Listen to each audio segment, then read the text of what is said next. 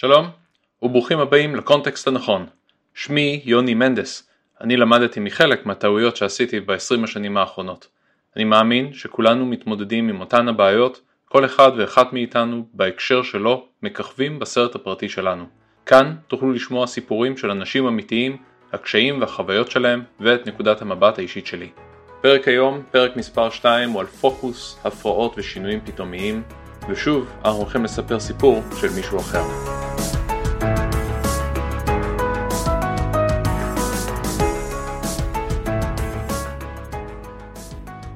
אחד מהמקומות הראשונים שבהם עבדתי חלקתי חדר עם מפתח אחד אחר. ישבנו גב אל גב ולא ממש דיברנו, לא היה לנו הרבה נושאים משותפים, עבדנו על פרויקטים שונים. יום אחד הוא פנה אליי, אמר לי להוריד את האוזניות מהראש, הורדתי, ואמר לי, אתה יודע שאתה ממש מפריע לי? אמרתי לו, לא, אין לי מושג, מה, מה עשיתי?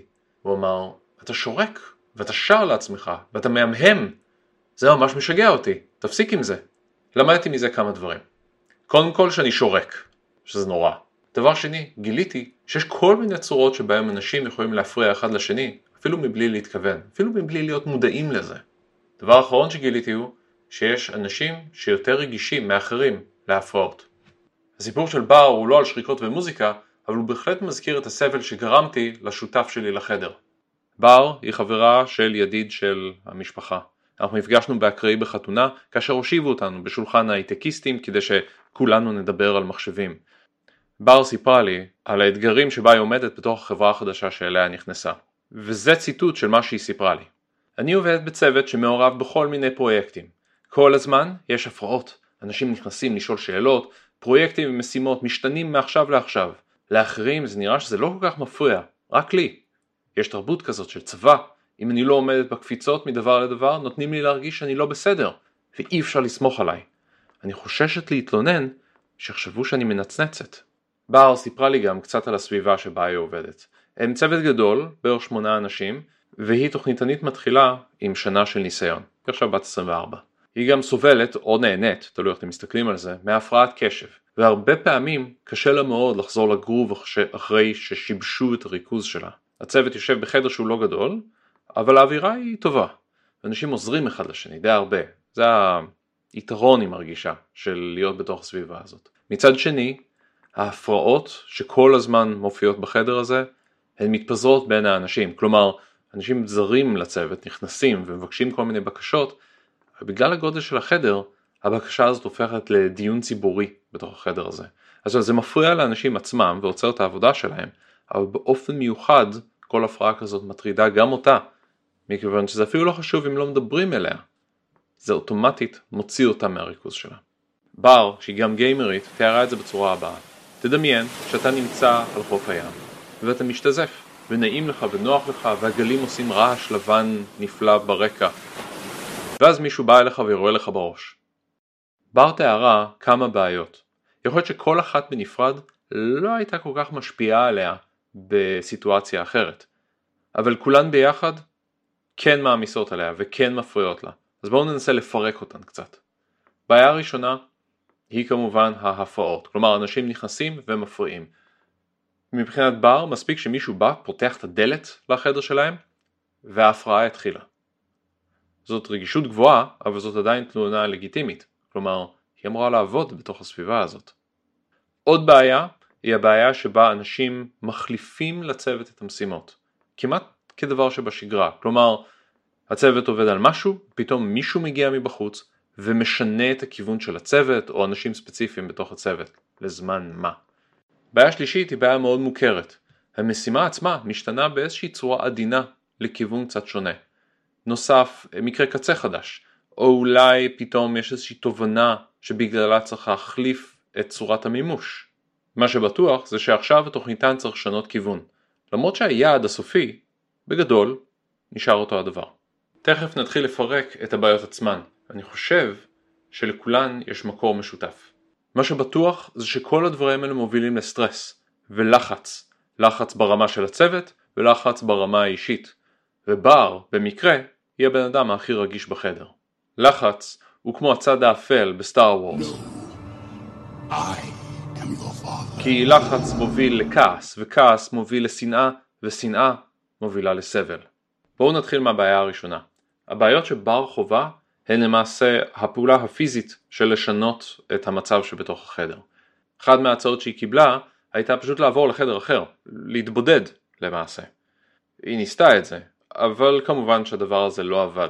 קודם כל היא מצאה את עצמה מבודדת, חברתית. דבר שני, היא גילתה שהיא זקוקה לעזרה, להזכירכם, היא תוכניתנית מתחילה. מה שגרם לה להיכנס לחדר של המפתחים שממנו היא הגיעה, ובעצם להפריע למפתחים האלה בדיוק בצורה שהיא מנסה למנוע. זה לא עבד בשבילה בכלל. את בעיית שינוי היעדים, בר ניסתה לפתור בעזרת רטרוספקטיב.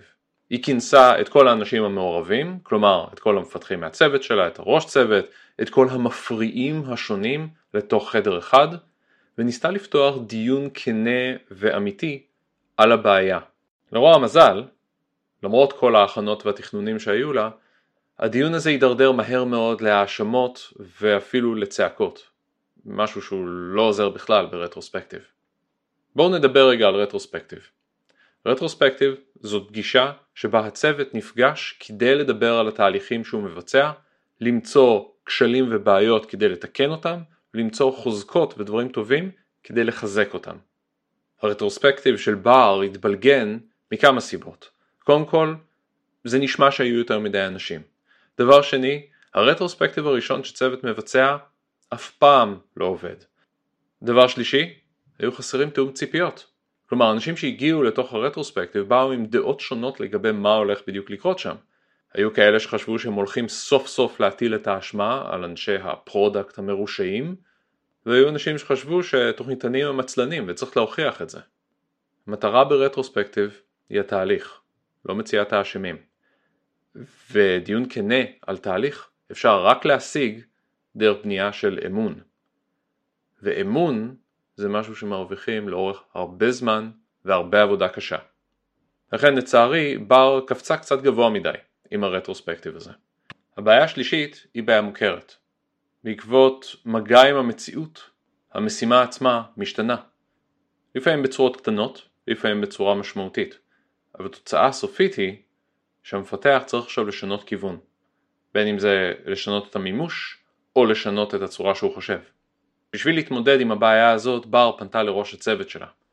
ניסה להפעיל אותו, לגרום לו אולי לשנות את הצורה שבה עובדים, או להשפיע על אנשים החיצוניים שלא יבצעו כאלה תיקונים. הראש הצוות אמר לה משהו שבאופן כללי אני די מסכים איתו. משימות הולכות להשתנות, זה חלק מהמציאות של העבודה בתוכנה. בר שאלה את ראש הצוות איך הוא מציע להתמודד עם המצב הזה. הוא הציע לזרום עם זה, לקבל את המצב ולחיות איתו כמו שהוא מכיוון שהוא לא הולך להשתנות. אני חושב שיש דרך אחרת להסתכל על המצב הזה. אני בוחר להסתכל על זה בצורה פחות עגומה.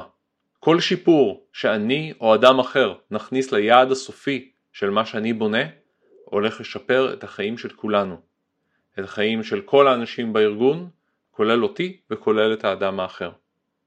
זה שהתובנה הגיעה ממקור אחר, או אולי מדיציפלינה אחרת, זה לא קשור. המטרה היא תמיד היעד של הארגון. ואם אנחנו יכולים לעשות אותו יותר טוב, כולנו נרוויח. מה שאני מנסה להגיד זה שהבעיה השלישית היא לא בדיוק בעיה, היא למעשה, כמו שראש הצוות ניסח את זה, חלק מהמציאות של לעבוד בתוכנה. אנחנו יכולים לנסות למנוע את זה, אנחנו יכולים לשפר אולי את התהליך שבו שינויים מוכנסים לתוך התוכנה, רטרוספקטיב יהיה מאוד שימושי בזה, אבל אנחנו לא נוכל למנוע את התופעה הזאת לחלוטין. למעשה, יכול להיות שלא כדאי שנמנע את התופעה הזאת לחלוטין, כי זה ימנע את הכניסה של רעיונות חדשניים. בר, בהיותה בעלת תושייה ונחישות, החליטה לנסות עוד משהו. היא יזמה לוח תורנויות, שבו כל בן אדם בצוות מקבל יום שבו הוא המופרע התורן. ככה הם קראו לזה. כלומר, הבן אדם שאפשר לגשת אליו, להפריע לו בעבודה שלו, והוא יטפל בכל הבקשות השונות שמגיעות לצוות למיטב יכולתו. יכול להיות שהוא יחליט להפריע לבן אדם אחד נוסף בצוות ומשם הם ימשיכו להתקדם כרגיל. השיטה הזאת עבדה לא רע. בהתחלה היו המון בעיות, בין השאר היא הייתה צריכה לגייס את הצוות שלה ולשכנע אותם ששווה לנסות את הדבר הזה. אחר כך היא גייסה את ראש הצוות כדי שיתמוך בעניין הזה וישקף אותו כלפי חוץ. ואז בסופו של דבר הצוות כולו התגייס כדי לשכנע את שאר החברה לכבד את התורנות הזאת ובאמת לשתף פעולה. התוצאה על פי בר הייתה שווה את זה. בר מסוגלת כיום לשבת לאורך יותר זמן ולהתרכז במשימות שלה ולהגיע לתוצאות יותר טובות. בר גם שמה לב שהיא מרגישה שיש פחות שינויים בתוך הצוות עצמו, כלומר פחות דרישות לשינויים, שינויי יעדים, שינויים במשימות עצמן נכנסות לתודעה של הצוות.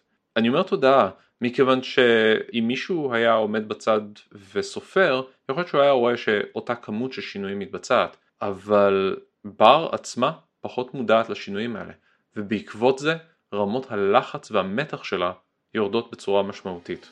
זהו זה, סיימנו. בר, אני מקווה שתצליחי ליצור לעצמך סביבת עבודה נוחה ופוריה ושתוכלי להיות במקום העבודה שלך עוד שנים קדימה. אני מבקש להזכיר שהסיפור שסיפרתי לכם מוגש בדיוק כפי שקיבלתי אותו. אני לא מבצע fact checking כדי להגן על הפרטיות של בעלי הסיפור.